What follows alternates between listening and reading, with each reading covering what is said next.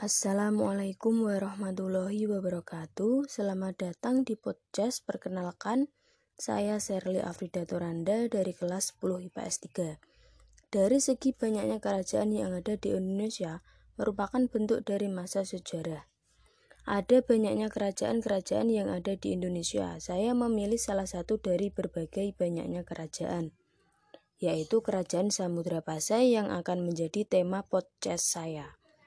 Nah, kerajaan Samudra Pasai ini juga pernah memuncak kejayaannya pada masa Sultan Mahmud Malik Az-Zahir pada tahun 1326 sampai 1345. Di masa pemerintahannya, kerajaan Samudra Pasai terkenal sebagai kerajaan dagang dan maju. Ini saya membuat podcast tentang kerajaan Samudra Pasai yang merupakan bagian dari sejarah Indonesia. Sudah tahukah di mana letak Kerajaan Samudra Pasai?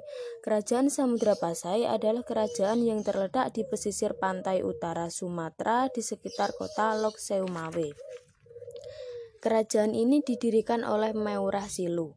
Belum banyak bukti-bukti yang diketahui mengenai sejarah kerajaan ini, namun jejaknya dapat ditelusuri melalui hikayat Raja-Raja Pasai. Siapakah raja pertama di kerajaan Samudra Pasai ya?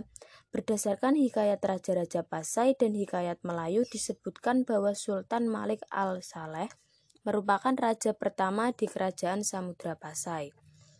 Teman-teman, bagaimana dengan basis perekonomian dan kehidupan sosialnya? Basis perekonomiannya adalah perdagangan dan pelayaran. Pengawasan terhadap perdagangan serta pelayaran itu merupakan sendi-sendi kekuasaan yang memungkinkan kerajaan memperoleh penghasilan dan pajak yang besar. Kerajaan ini merupakan pusat perdagangan internasional pertama untuk mengekspor sutra dan lada. Kehidupan sosial masyarakat didasarkan hukum Islam. Samudra Pasai pernah menjadi pusat pengembangan Islam. Kerajaan Samudra Pasai pernah berjasa dalam menyebarkan Islam ke seluruh pelosok Sumatera. Kerajaan Samudra Pasai adalah kerajaan maritim sehingga masyarakatnya turut aktif dalam kegiatan perdagangan. Apa faktor penyebab keruntuhan dan kejayaan Samudra Pasai? Keruntuhannya tidak ada pengganti yang cukup terkenal setelah Sultan Malik Az-Zahir. Terjadinya perebutan kekuasaan, serangan Majapahit yang berambis menyatukan Nusantara, serangan Portugis, berdirinya Bandar Malaka yang terletak lebih strategis. Kejayaannya merupakan bandar niaga yang strategis, penghasil rempah-rempah termuka di dunia, produsen komoditas sutra, kapur barus, dan emas. Apa saja peninggalan yang ada di Kerajaan Samudra Pasai? Antara lain ada hikayat raja, dirham koin emas, cakradunya, stempel Pasai, kerena, batu nisan Sultan Malik al-Soleh, batu akik, makam Sultana Nah Syariah.